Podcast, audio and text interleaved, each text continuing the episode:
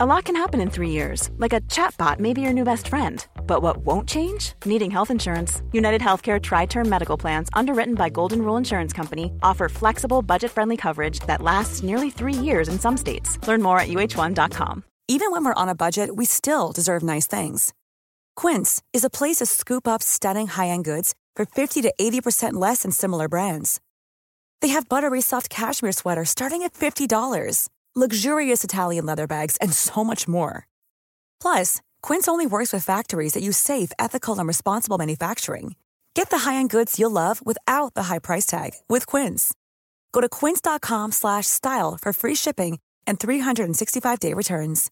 Hey, I'm Ryan Reynolds. At Mint Mobile, we like to do the opposite of what Big Wireless does. They charge you a lot, we charge you a little. So naturally, when they announced they'd be raising their prices due to inflation, we decided to deflate our prices due to not hating you. That's right. We're cutting the price of Mint Unlimited from $30 a month to just $15 a month. Give it a try at mintmobile.com slash switch. $45 upfront for three months plus taxes and fees. Promo for new customers for limited time. Unlimited more than 40 gigabytes per month. Slows. Full terms at mintmobile.com.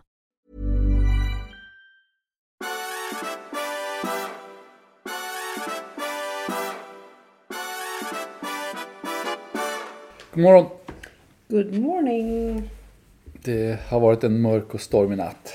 Ja, i alla fall i Skåne. Ja, i världen kanske man kan säga. Vet du var det där kommer ifrån? Det var en mörk och stormig natt. Eh, Det, han hette, jag tror han hette eh, eh, Edward Fuller eh, någonting.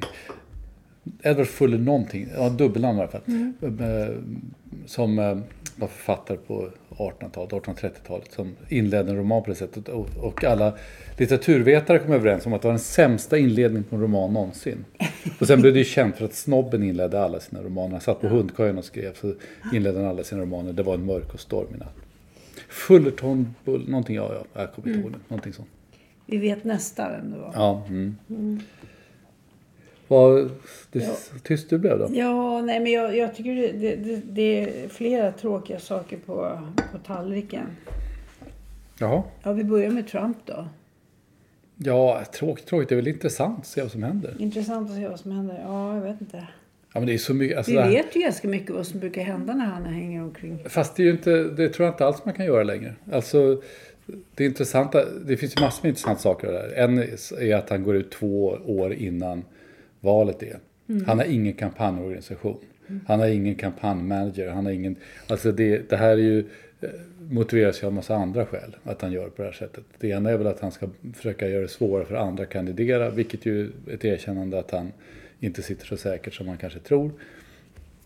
Och det andra är ju att han eh, står liksom inför en massa rättsprocesser och hoppas att det här ska stoppa det. Men, Ja. men, men sen är det ju också, det som jag tycker är mest intressant med det här är ju att, att eh, den här idén om, alltså å ena sidan så är det ju sant att han har ju, han får ju in väldigt mycket pengar från eh, gräsrötter.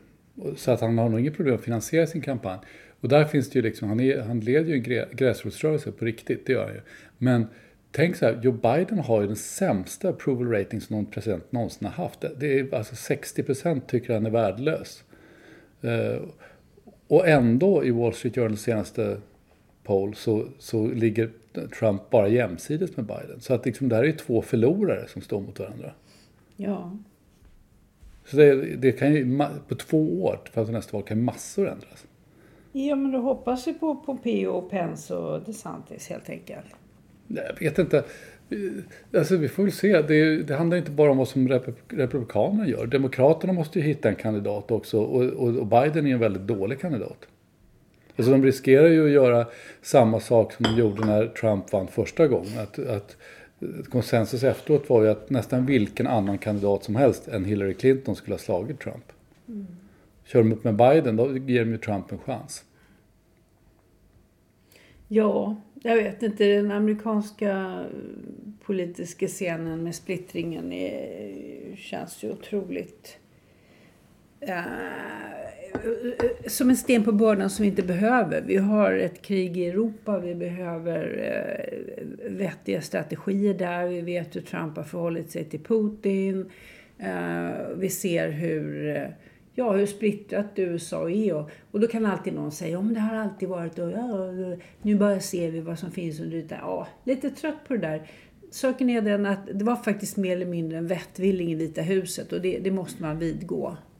Och Ja, vi det har vi det är inte ingen som har Nej, vi vill förnekat inte se det. honom där igen. Och, och han har tydligen eh, inte fått tillräckligt mycket motstånd för att vika ner sig och göra någonting annat av resten av sitt Han kommer ju aldrig att vika ner sig. Det, är liksom, det, ligger ju i hans, det ligger i hans karaktär. Men jag, menar, jag, jag tycker också att det är väldigt farligt det här. Att göra det här som, det här är liksom motsvarigheten till när alla koncentrerar sig på Sverigedemokraterna i Sverige. Man ska inte hänga upp sig så mycket på Trump. Det är liksom inte det som är problemet. Problemet är mycket djupliggande, mer, mer djupliggande klyfta i det amerikanska samhället. Och den finns där oavsett om Trump finns eller inte. Och då måste man liksom tänka lite kreativt hur man löser den. Och Hur man, vad finns det för möjliga vägar ut ur det här? Och då är liksom inte Trump problemet. Han förvärrar problemet genom att kanalisera de här känslorna. Men, men han är ju inte, det är ju inte han som är problemet. Lika lite som att liksom när, när, när Obama tillträdde så ställdes ju hela den här eh, eh, eh, underliggande rasismen i det amerikanska samhället som finns ställdes ju på sin spets. Det var ju inte Obamas fel. Men han var ju en katalysator för det och, och det ledde bland annat till Trump. Alltså det finns ju de här underliggande grejerna som är... Det är klart att de är obehagliga men de, de finns ju där på riktigt. Det är ju inte liksom någon...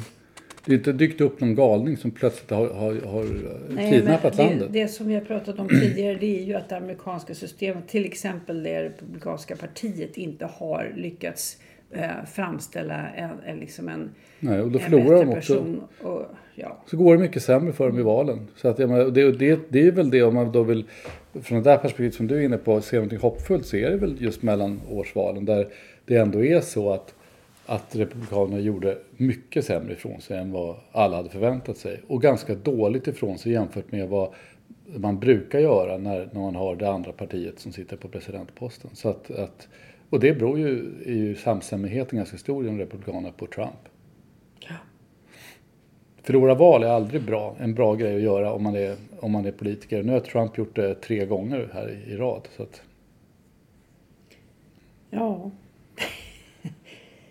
Om du tar upp det måste du väl tycka någonting? Du kan inte bara sitta jag, tyst. jag har sagt till dig vad jag tycker. Eh, jag kan sitta tyst precis så mycket jag vill men jag, jag, jag ser det här verkligen som en otroligt eh, eh, eh, nedslående situation. Och nu kommer vi ha två år till där han är i centrum på arenan eftersom han är otroligt duktig på att ta centrum av arenan. Så det, det är lite tråkigt tycker jag. Men eh, vi får väl hoppas att du har rätt Johan. Det här är bara men det är klart att början det- på en reningsprocess. Nej, jag tror inte alls. Jag säger inte att jag tror att det kommer gå bra. Jag bara säger att jag tycker inte man ska fixera sig så mycket vid Trump. Nej. Nej, men vi har ju egna problem på hemmaplan. Mhm. Eh, eh, utlandsspioneri ska kriminaliseras och införas som ett tryck och yttrandefrihetsbrott. Och det ska diskuteras i riksdagen idag, Ja, det är väl just den där 16 formuleringen. november. Det är väl just den där formuleringen att, att man inte får eh, att man inte får befatta sig med eller sprida uppgifter som kan skada Sveriges eh, relation till, till eh, andra organisationer eller makter. Det är väl det som är grejen. Va? Jag tycker att det, ändå, det finns något fascinerande med den här... Det ligger ju lite implicit att utlandsspioneri spioneri inte skulle vara kriminellt. Det är ju redan idag ett brott. Och räcker inte brottsbalken? Eh, det, det är en sån fråga man har till Sveriges riksdag idag. Det är bara Vänsterpartiet och Miljöpartiet som har haft invändningar här. Liberalerna har släppt sina invändningar. Mm. Jag, vet, jag begriper inte riktigt heller, jag har läst det där, men jag, jag begriper inte riktigt heller varför det här är så viktigt att göra. Och jag, jag, alltså jag är skeptisk till det till att börja med därför att jag tycker att man ska inte rota i grundlagarna i onödan. Alltså när man ändrar en grundlag då ska det finnas väldigt goda skäl till det. Det är lite grann poängen med en grundlag. Och det här, men det här har ju gått till på det här sättet som, är, är, är, som ofta sker i Sverige och som är ganska obehagligt. Att, att det liksom egentligen aldrig blir någon riktig debatt av det. Och här har ju egentligen, alltså tanken med den här typen av grundlagsändringar är ju att att, att man har den här ordningen för grundlagsändringar, att man ska ha två beslut med ett val emellan. Tanken med det är ju att man ska få en debatt om det, att man ska ha god tid att att prata om det här verkligen är bra. Men nu visar det sig liksom i det här snabba samhället vi lever i nu så blir det snarare tvärtom. Man tar det första beslutet och sen så glömmer folk bort det. Och sen så när det liksom är några dagar kvar eller en vecka kvar till det andra beslutet, då börjar debatten plötsligt. Liksom. Ja, det första eh, beslutet som, där riksdagen röstade ja, Mm. då var det 6 april. Ja, och sen är det dödstyst och det kan man ju förstå att eh, de som Mm. eh, inte riktigt har motiverat varför det här är avgörande viktigt för Sverige Mm. är, är lite glada för att har sluppit. Nu har de senaste dagarna har ju Eh, Expressen vaknat, Svenska Dagbladet vaknat, Dagens Nyheter vaknat. Det är, man, vad man kan lägga märke till att Dagens Industri idag den 16 november är liksom lite försiktigt mer positiv till det här än, än eh, några av de andra publikationerna. Men diskussionen har ju verkligen varit frånvarande och Stina Oskarsson har ju Svenska Dagbladet eh, för Svenska Dagbladets räkning ringt runt till ett antal ledamöter och eh, en majoritet av dem har inte ens satt sig in i vad förslaget innebär. Det finns ju en aspekt av det här som jag tycker är otroligt intressant. Att om man nu skulle som eh, reporter eller som ansvarig utgivare bli åtalad. Hur ska man då kunna bli delgiven varför man blir det? För då kommer ju staten att tvingas att offentliggöra sekretessbelagda uppgifter. Ja, eller uppgifter som anser inte skulle ha spridits. Då. Ja, det går ju inte. Ja. Så att bara, bara där sitter man ju liksom väldigt illa till. Ja, Det är, så, det är många aspekter där som är konstigt. Det är ju också det här eh, som flera har varit inne på att, att sk- ska man kriminalisera någonting då ska det vara väldigt tydligt vad det är som är vad brottet består i. Att man ska kunna förutsäga att, att om jag gör så här så begår jag ett brott. Men det här hä- kommer ju då hänga på vad eh, andra länder eller organisationer utanför Sverige anser om någonting. Alltså det kan man aldrig... Det blir väldigt... Det är en väldigt... Eh, eh, jag tycker det är, för luddigt för att, att eh, funka i en grundlag. Och det, det är någonting med det här som oroar mig också. Som, alltså jag tror ju att... Jag, jag kan ju förstå bevekelsegrunderna till den här typen av saker. Men vi har till exempel det här spionfallet nu med de här två bröderna som ju har varit liksom i det hemligaste av det hemliga i Sverige och lyckats eh, tydligen spionera, spionera för Ryssland. Och att, att det finns liksom en sån här känsla av att, det, att vi har en, haft en naivitet i Sverige som vi måste eh, ta oss ur och att vi, har, vi måste liksom inse att det är allvar den här typen av grejer. Men det finns ju en stor risk med att man överreagerar. Ja. Sen har man ju försökt med, med formuleringar som om, om att eh, man ska naturligtvis inte hindra eh, publiceringar som är då viktiga för demokratin och i någon bemärkelse. Det är inte det man avser, men då är ju skill- om man nu är oense, är det här en, en eh, be, befattning med, med eh, information som är att betrakta som utlandsspioneri. Eh, eh, hur ska, vem ska avgöra vad som är vad? Hur ska, det, hur ska det överhuvudtaget kunna diskuteras? Det går inte att diskutera eftersom det är sekretessbelagda uppgifter. Alltså det intressanta är att jag har inte sett några bra exempel på vad som skulle kunna förhindrats om, om den här lagstiftningen redan funnits. Men jag har sett ganska många rätt trovärdiga exempel på vad som skulle kunna förhindras som man önskar inte skulle förhindras. Alltså, ehm, jag vet inte om du kommer ihåg den här jag var lite inblandad i det där eh, ganska strax efter 11 september när eh, det dök upp att den, den socialdemokratiska regeringen och Anna Lindh var inblandad i det där också hade sett till att skicka ut de här eh, egyptierna. Eh, eh, Kommer jag ihåg. Ja, Via att- Bromma. Ja, via Bromma i ett CIA-plan. Och, och det där tystades ju ner. Och det där togs ju fram, jag tror det var uppdrag granskning eller det var något av de här undersökande program som, som plocka, lyckades få fram de där uppgifterna. Eh, och det där var ju liksom, eh, det där var ju någonting som Sverige gjorde helt enkelt därför att man, man fick ett sånt tryck från USA att man inte kunde man fick lov att backa liksom. Men den typen av rapportering, det är klart att det skadade vår relation till USA. Det ska- skadade svensk underrättelsetjänsts samarbete med CIA och sånt där. Eh, Men skulle det varit bättre om, skulle det varit bra att åtala de journalisterna som tog fram det? Nej. Eller ansvariga utgivare? Nej. Det, det skulle det inte ha varit. Alltså den där typen av, av, av nyheter måste man ju kunna publicera. Ja. Men sådana här typer av formuleringar som att att en gärning ska inte utgöra brott om den med hänsyn till syftet och övriga Mm. omständigheter är försvarlig. Det är ju Ja. precis den åsiktskonflikten som finns. Och där, Ja. där den ena parten påstår att den är försvarlig och den andra gör att den inte Nej, gör det. det där är ju formuleringar som inte betyder någonting. Nej. Och jag är otroligt eh, ehm, faktiskt eh, oroad av eh, det här med, med bakgrund av man tänker på Estonia-frågan och vad som har gjorts och inte gjorts. När Henrik Evertsson och hans team eh, visade att det finns hål i Estonias skrov så ledde ju det till slut, de eh, står ju åtalade, men det ledde ju till slut till en ändring i eh, gravfridsformuleringarna. Eh, och, och har sagt, har man, nu har man sagt att stater som vill undersöka haveriorsaken har rätt att göra det. Ja. Men är det så här vi ska bedriva undersökande journalistik eller beskrivande samhälls, eh, eh, ja, samhällsbeskrivningar helt enkelt, djupgående i Sverige i, i framtiden med en riksdag som uppenbarligen inte verkar riktigt fatta vad det är de eh, håller på med det här. Nu har ju det här gått så långt så det enda som kan hända idag, och det bör ju hända, det är att regeringen återkallar Men tror du de gör det då? den här Har du sett något tecken på att de... Nej, jag hoppas att de eh, helt enkelt eh, läser tidningarna och lyssnar på radio och poddar. Om man säger så. Ja. Ja, vi får väl se. Jag vet inte, jag skulle gissa att det bara slinker igenom. Och sen så kommer debatten fortsätta i efterhand. Men... Får se. Vi får se. Ja, Annars då? ja, det här var väldigt djupa Det hål. djupa- Ska vi börja prata om att, eh, om, om att det landar missiler i Polen också så är, är depressionen total. Ja, ja, tyvärr har det gjort det. Men nu finns det ju en diskussion om eh, var kom de egentligen ifrån. Och alla verkar vilja vara lite återhållsamma i det här läget. Ja, kanske amerikanerna är ganska tydliga. De säger att de, alltså jag såg nu på Sky News precis bara för några minuter sedan, så säger de ju att, att vi tror att det är eh, ukrainska raketer som de har skjutit för att försöka skjuta ner Okej. ryska och att de har hamnat fel.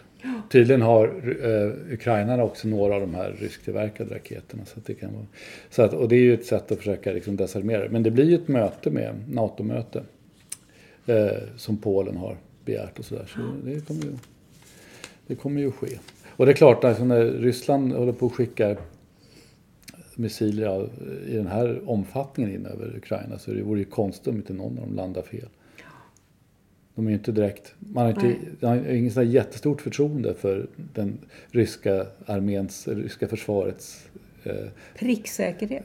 ja precis, överhuvudtaget professionaliteten är väl kanske lite si och så har jag en känsla.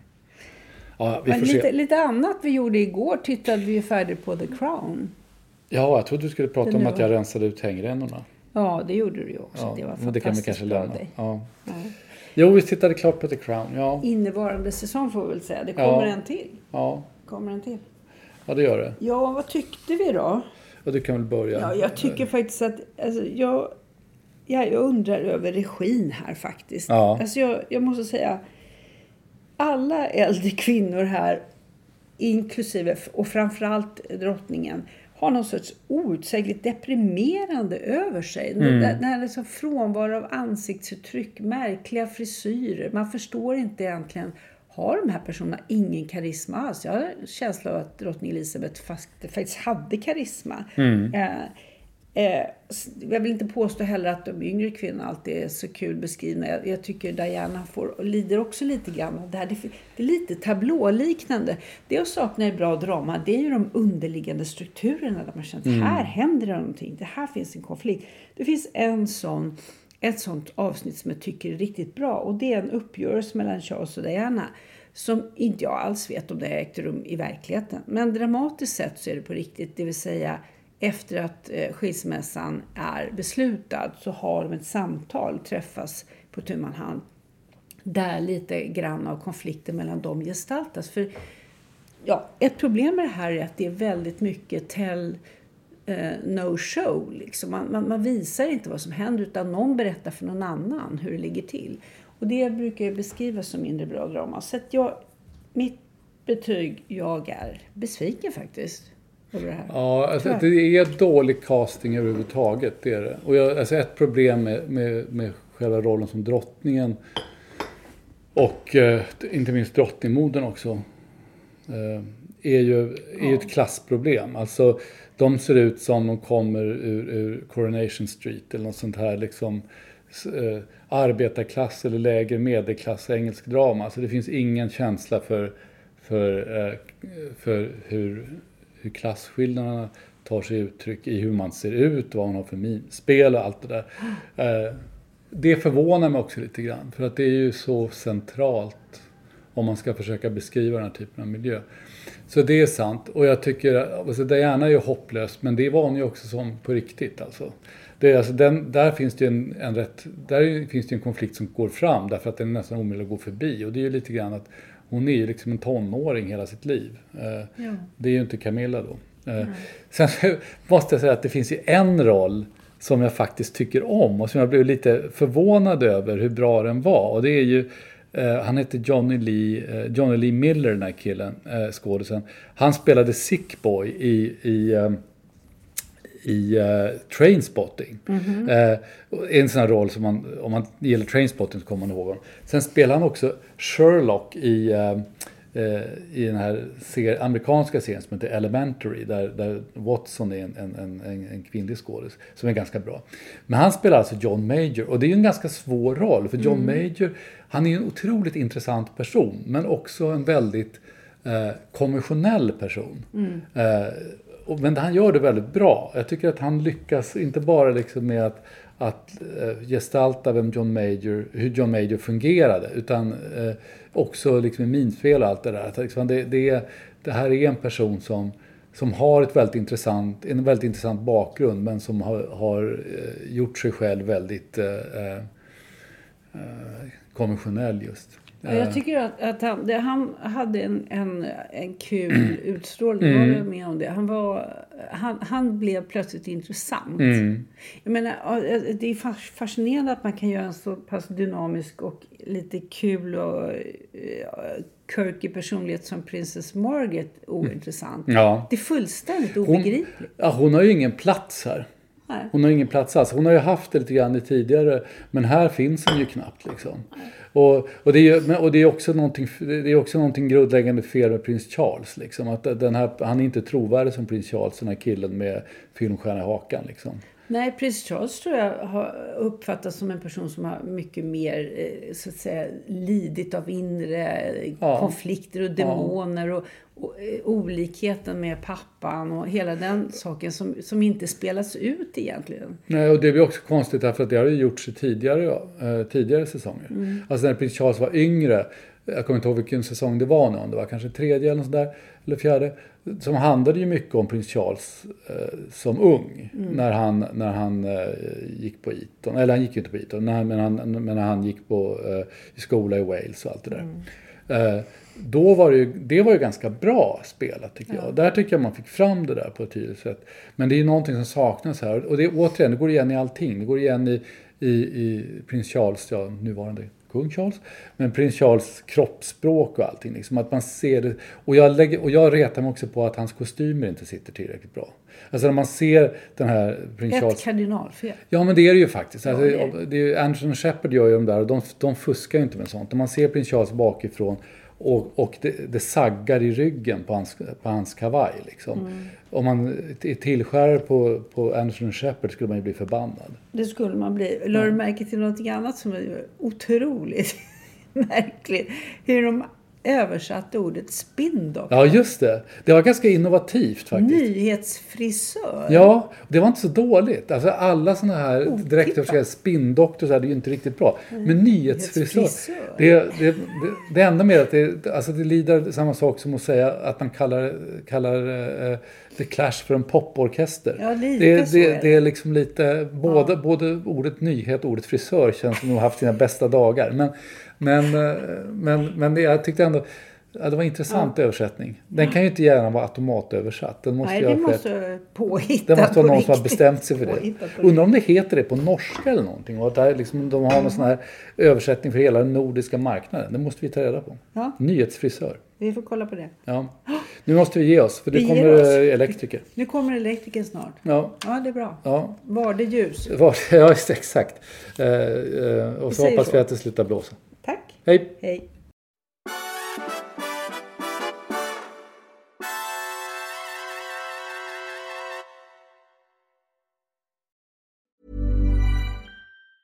Hey, it's Danny Pellegrino from Everything Iconic. Ready to upgrade your style game without blowing your budget? Check out Quince. They've got all the good stuff shirts and polos, activewear, and fine leather goods, all at 50 to 80% less than other high end brands. And the best part? They're all about safe, ethical, and responsible manufacturing. Get that luxury vibe without the luxury price tag. Hit up quince.com slash upgrade for free shipping and 365 day returns on your next order. That's quince.com slash upgrade. Even when we're on a budget, we still deserve nice things.